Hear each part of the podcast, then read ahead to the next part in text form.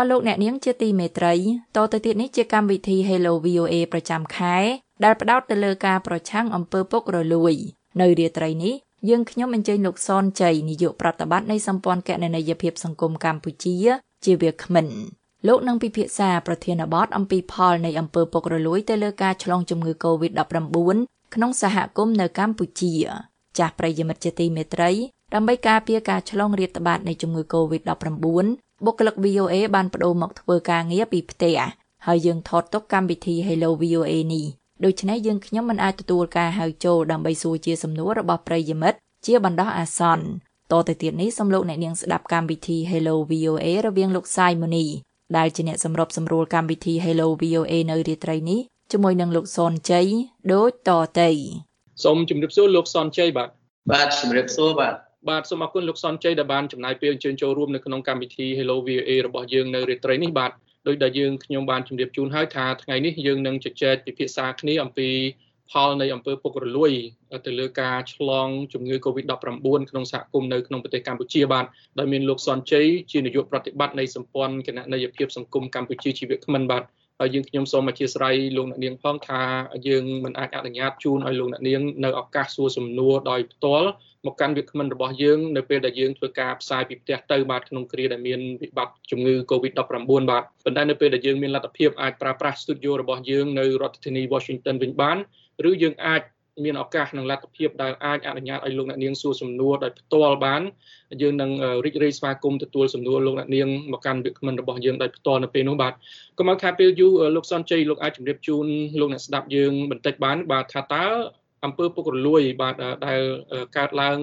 ឬក៏មានការលើកឡើងការចោទប្រកាន់ថ្មីថ្មីហ្នឹងបាទដែលឈានរហូតទៅដល់មានការឆ្លងជំងឺ Covid-19 ក្នុងសហគមន៍យ៉ាងច្រើននៅក្នុងប្រទេសកម្ពុជាមកដល់ពេលនេះបាទតើអំពើពុករលួយការស៊ីសំណូកសូកប៉ាន់ហ្នឹងវាជាអតិពលយ៉ាងម៉េចបាទទៅដល់សុខភាពសាធារណៈនិងពលរដ្ឋទូទៅនៅក្នុងប្រទេសហ្នឹងបាទសូមជឿបាទបាទអរគុណនៅពេលដែលយើងនិយាយអំពីអំពើពុករលួយវាមានច្រើន ទម្រង់ច្រើនសន្តានដូចជាការសូកប៉ាន់ការខົບខិតដែលកើតចេញពីរឿងទំនាស់ផលប្រយោជន៍ហើយមួយវិញទៀតអំពើពុករលួយដែលកើតឡើងដោយការរំលោភអំណាចការរំលោភអំណាចនេះគឺមានផលប៉ះពាល់ធ្ងន់ធ្ងរឧទាហរណ៍ថា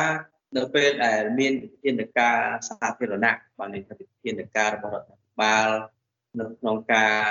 តម្រូវឲ្យមនុស្ស ឬក៏ក្រុមជាក់លាក់ណាមួយអនុវត្តតាមវិធានការរបស់រដ្ឋាភិបាលបែរជាមានបើសិនជាបែរជាមានក្រុមណាមួយគេយកអំណាចយកអីទៅកាង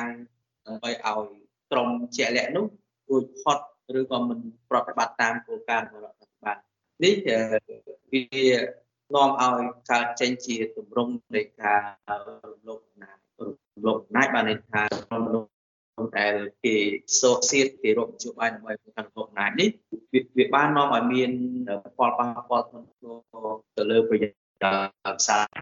រួមប្រយោជន៍ជាប្រជាពិសេសក្រុមដែលអាចងាយនឹងប្រឈមនឹងបញ្ហាខ្ញុំឧទាហរណ៍ថាដូចឧទាហរណ៍ថាបើសិនជានៅពេលដែលរដ្ឋាភិបាលមានវិធានការតឹងរឹងចំពោះ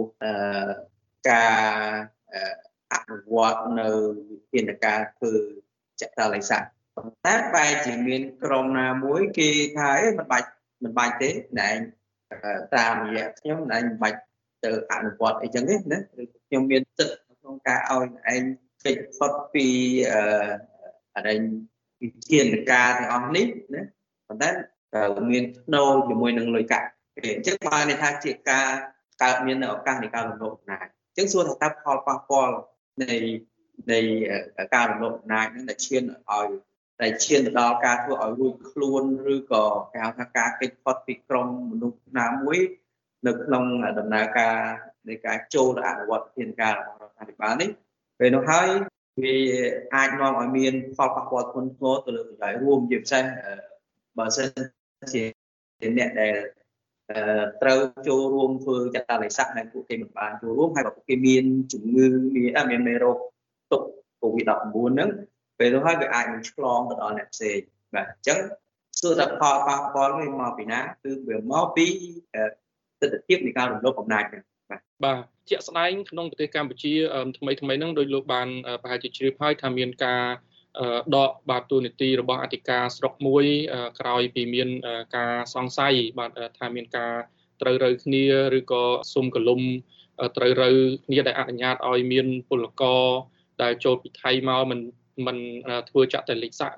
តាមដែលអាជ្ញាធរសុខាភិបាលតម្រូវហើយថ្មីថ្មីហ្នឹងក៏មានការចោទប្រកាន់អំពីការសោកលុយសោកកាក់ពីសំណាក់ជនជាតិចិនបាទដែលត្រូវបានអាជ្ញាធរតម្រូវឲ្យធ្វើចាក់តលេខសាក់ដែរហ្នឹងហើយ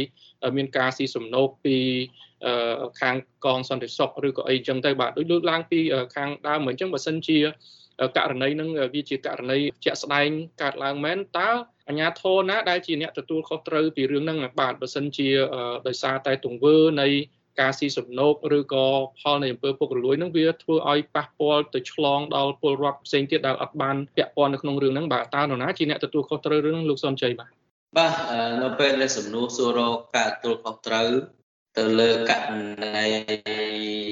ដែលមានការសុំប្រលំ ខុបខិតគ្នានៅក្នុងការក្រុមមនុស្សដែលត្រូវធ្វើចតលេស័កហ្នឹងក៏រួចខ្លួនចេញមកក្រៅហើយមានហេតុការចម្លងគេត្រូវមើលទី1គេមិនមែនមើលតែត្រឹមតែអ្នកប្រព្រឹត្តទេគេមិនមែនមើល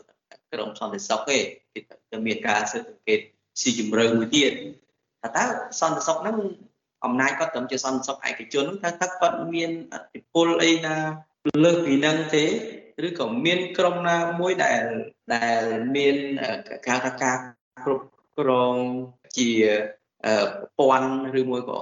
កៅថាការបើកភ្លើងខៀវណាមួយឲ្យកើតនៅបញ្ហាហ្នឹងដែរទេអញ្ចឹង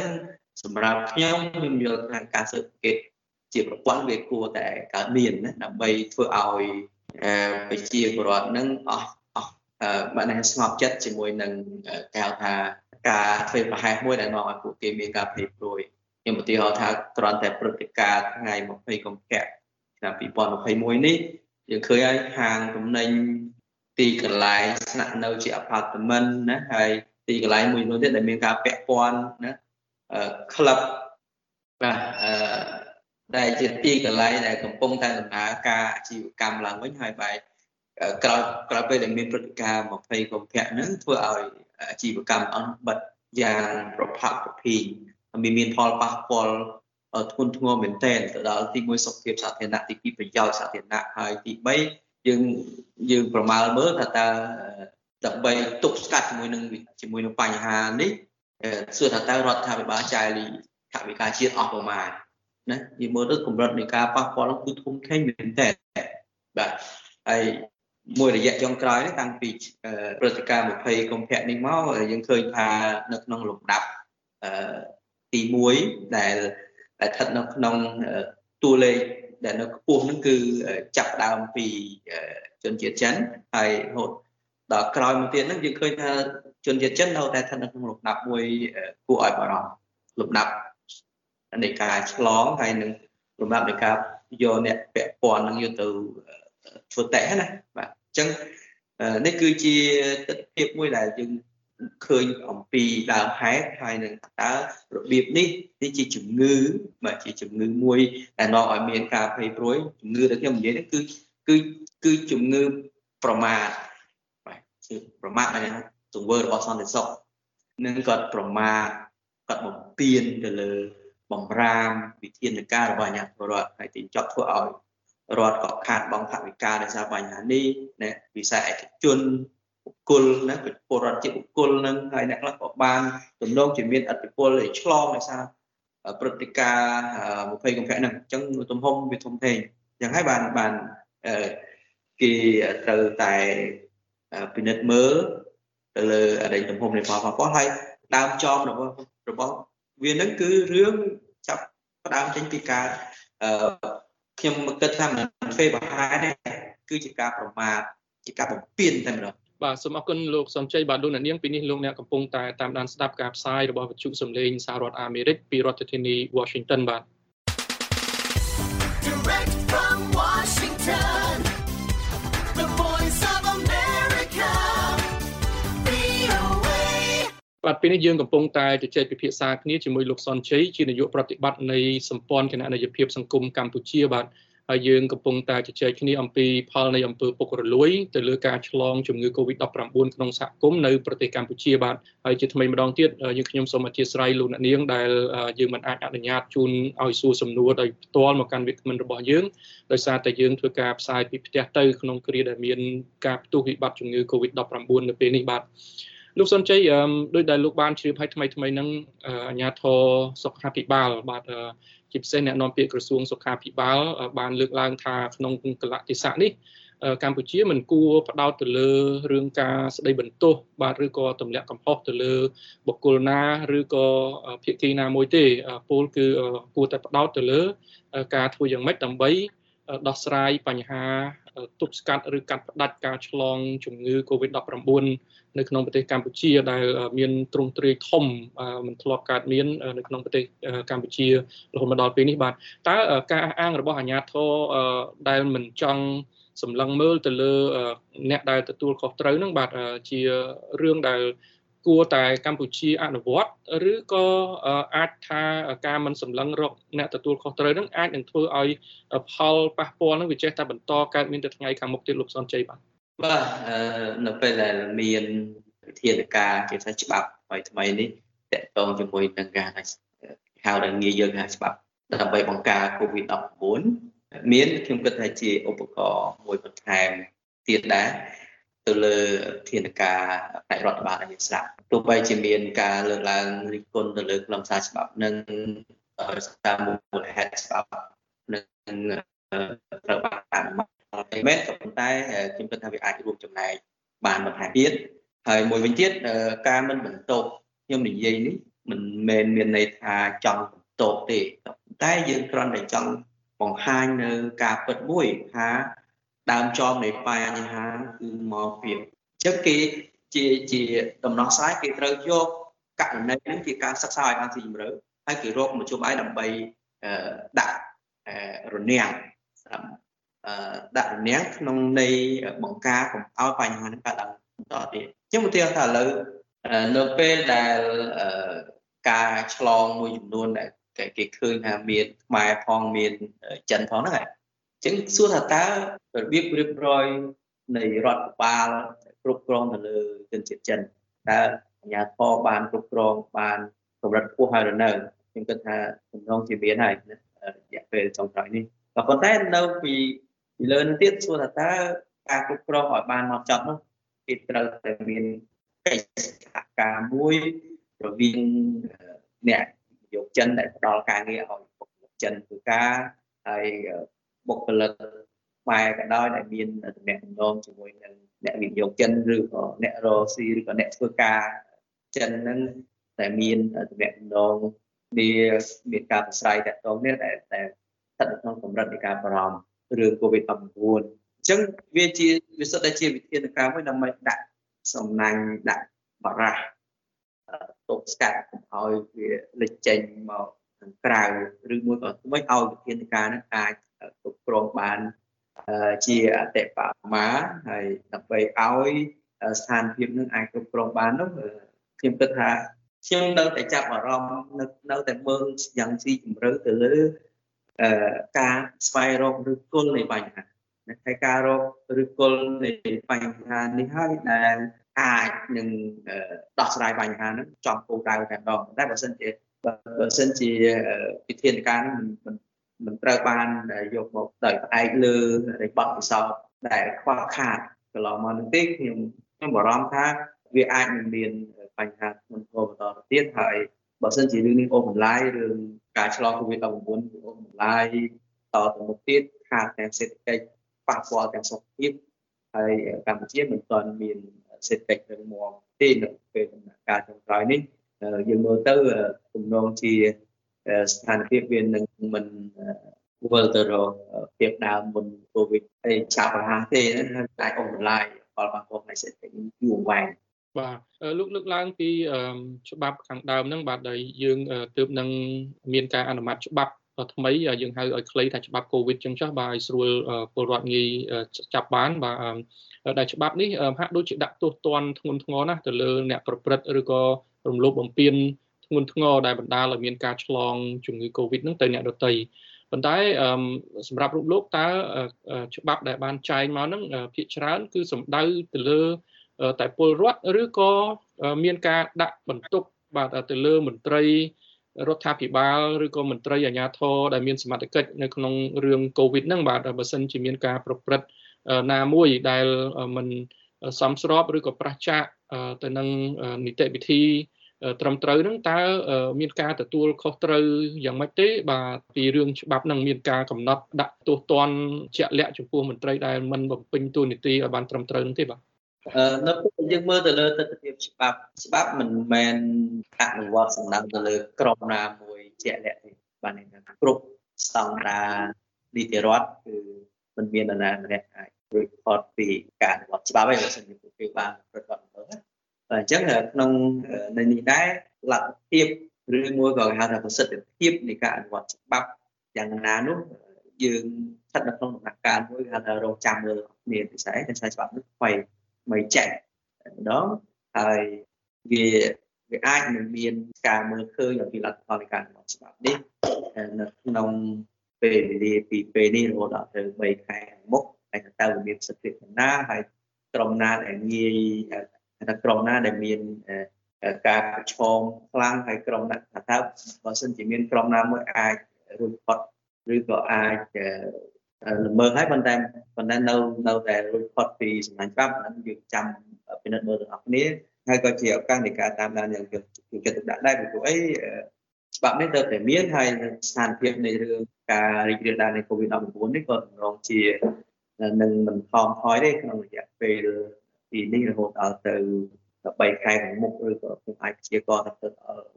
6ខែខាងមុខដល់រាបណា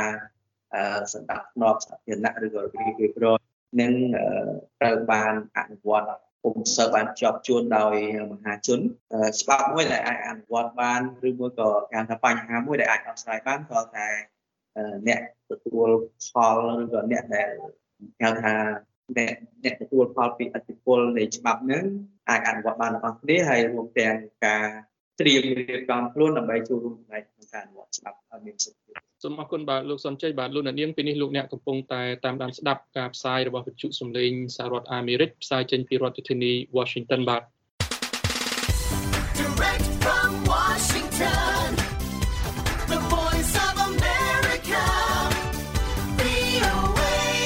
បាទពេលនេះយើងកំពុងតែជជែកពិភាក្សាគ្នាអំពីផលនៃអំពើពុករលួយ ទៅលើការឆ្លងជំងឺ Covid-19 ក្នុងសហគមន៍នៅក្នុងប្រទេសកម្ពុជាបាទ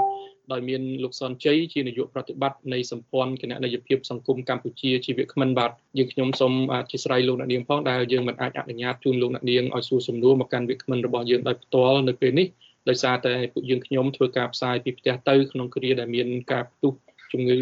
ជាសកលបាទជំងឺឆ្លងជាសកល COVID-19 នៅពេលនេះបាទលោកសំជ័យដោយសារយើងកាន់តែគៀកម៉ោងមែនតើហើយខ្ញុំចង់ឲ្យលោកចែករំលែកជាមួយលោកអ្នកស្ដាប់យើងបន្តិចបាទថាតើកម្ពុជាអាចធ្វើយ៉ាងម៉េចបានបាទដើម្បីទប់ស្កាត់កុំឲ្យអំពើពុករលួយ បាទលោកលើកឡើងពីខាងដើមរួមទាំងការសូកប៉ាន់ឬក៏អំពើរំលោភអំណាច បាទពីសំណាក់អាជ្ញាធរផងហ្នឹងវាអាចជះឥទ្ធិពលអាក្រក់ ទៅដល់សុខភាពសាធារណៈទៅដល់ផលប្រយោជន៍សាធារណៈដោយដែលប្រហែលជាបានកើតឡើងនៅក្នុងស្ថានភាពនេះនៅក្នុងប្រទេសកម្ពុជានឹងធ្វើយ៉ាងម៉េចទៅដើម្បីបញ្ជៀសបញ្ហានឹងកុំឲ្យវាកើតមានឡើងតទៅទៀតនៅថ្ងៃខាងមុខបាទបាទនៅពេលដែលគេនិយាយអំពីបញ្ហា COVID-19 មនុស្សគ្រប់គ្នានឹងដឹងហើយថាតើនរណាខ្លះជាអ្នករងផលប៉ះពាល់គឺប្រជាពលរដ្ឋទូទៅគ្រប់គ្នាទាំងអ្នករាជការសាធារណៈអ្នកធ្វើការវិស័យឯកជនហើយនិងពលរដ្ឋ អញ្ចឹងមានតែស្មារតីនៃការអនុវត្តច្បាប់ទេណាការអនុវត្តច្បាប់ដោយដោយក្រុមអ្នកដែលអាចទៅប្រឈមនឹងផលប៉ះពាល់នេះនៅពេលដែលមានភាពមិនប្រក្រតីណាមួយ មានការរំលោភអំណាចកើតឡើងពួកគេចាំបាច់ត្រូវរាយការណ៍ទៅអាជ្ញាធរមានសមត្ថកិច្ចដែលពួកគេមានការជឿជាក់ហើយពលរដ្ឋទៀតសោតក៏ត្រូវមានការទឹកគូ កុំឲ្យមានការចាញ់បោកការឃោសនាបោកបញ្ឆោតជាធ្នូជាមួយនឹងការកិច្ចពីកាតព្វកិច្ចរបស់អាជ្ញាធរសុខាភិបាលអញ្ចឹងឧទាហរណ៍ថានៅពេលដែលពួកគេសហការគ្នានៅក្នុងការអនុវត្តតាមវិធានការរបស់អាជ្ញាធររដ្ឋខ្ញុំគិតថាពេលនោះហើយឱកាសនៃការកើតមាននៅការរំលោភអំណាចពីអាជ្ញាធរខលខត់ណាមួយនោះខ្ញុំគិតថាវាអាចនឹងកាត់បន្ថយបានកម្រិតខ្ពស់ ហើយបញ្ជាក់ឡើងវិញថារឿងនេះវាអាស្រ័យទៅលើពលរដ្ឋដែរបាទយើងមិនបន្តពលរដ្ឋទេក៏ប៉ុន្តែយើងគ្រាន់តែលឹកដល់ពលរដ្ឋថាអឺស្ថានភាពបែបនេះគឺការសហការជាមួយអាជ្ញាធររដ្ឋនៅក្នុងការ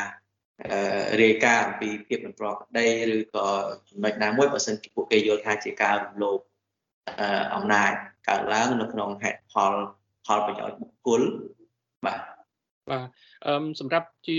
ទូនីតិរបស់ពលរដ្ឋវិញបាទគាត់អាចដើរទូនីតិយ៉ាងម៉េចបានដើម្បីបង្ការការឆ្លងបន្តគ្នាឬក៏ចម្លងបន្តគ្នានៅជំងឺ Covid-19 នេះលោកសនជ័យបាទបាទទស្សនវិជ្ជាបច្ចុប្បន្ននេះចំណេះដឹងដែលពលរដ្ឋអាចទទួលបានមានច្រើនច្រើនរបៀបអញ្ចឹងពួកគេអាចទទួលបានព័ត៌មានតាមរយៈប្រព័ន្ធផ្សព្វផ្សាយបែបប្រពៃណីក្នុងនោះមានវិទ្យុទូរទស្សន៍ ហើយតាមបណ្ដាញសង្គមគឺពួកគេអាចប្រើប្រាស់គេព័ត៌មានដែលជាព័ត៌មានផ្លូវការពីបណ្ដាញសង្គមដូចជាបណ្ដាញសង្គម Facebook ឬក៏បកការចែករំលែកតាមអឺបណ្ដាញសង្គមមួយចំនួនដូចជាសប្តាហ៍យើងឃើញថាមាន Telegram គ្រប់ឯជាដើមហ្នឹងណាអញ្ចឹងពលរដ្ឋគួរតែមានការស្វាស្ទិញក្នុងការចែករំលែកព័ត៌មានគ្នាពីមួយទៅមួយពីបងប្អូននៅ ទីប្រជុំជនដែលមានចំណេះដឹងក្នុងលាយដែលមានចំណេះដឹងថាព័ត៌មានណាមួយជាព័ត៌មានពិតប្រាកដហ្នឹងអាចចែករំលែកទៅដល់សាច់ញាតិរបស់ពួកគេឬក៏មធ្យោបាយច្រើនទៀតដូចជាការទូរស័ព្ទទៅរកគ្នាការនិយាយការឆាតសម្លេងឆាតជាសារទូនបន្តគ្នានេះធ្វើម៉េចក្នុងន័យរួមចំណែកដើម្បីទប់ស្កាត់កុំឲ្យការរីករាលដាលហ្នឹងវា ប៉ះពាល់ទៅដល់កន្លែងទីកន្លែងដែលមានតែមិនទាន់មានការរីករាលដាលឬការរាតត្បាតនៃមេរោគនៅឡើយបាទសូមអរគុណច្រើនមែនទែនលោកសនជ័យបាទចំពោះពេលវេលាដែលលោកបានផ្ដល់នៅក្នុងបទសម្ភាសជាមួយ VOA នៅរាត្រីនេះបាទដោយសារតែពេលវេលាយើងអស់ទៅហើយដូច្នេះខ្ញុំសូមបញ្ចប់កម្មវិធី Hello VOA របស់យើងតែត្រឹមនេះនិងសូមអរគុណលោកអ្នកនាងដែលបានចូលរួមតាមដានស្ដាប់តាំងពីដើមរហូតមកបាទបើលោកអ្នកនាងខកខានឬក៏ចង់ចូលស្ដាប់ឡើងវិញបាទគេហទំព័ររបស់យើងគឺ khmer.voanews.com បាទសម្រាប់ពេលនេះខ្ញុំសាយមនីអ្នកសម្របសម្រួលកម្មវិធី Hello VOA នៅរាត្រីនេះសូមអរគុណលោកសនជ័យនិងលោកអ្នកនាងទៅត្រឹមនេះបាទសូមជម្រាបលាបាទបាទសូមជម្រាបលា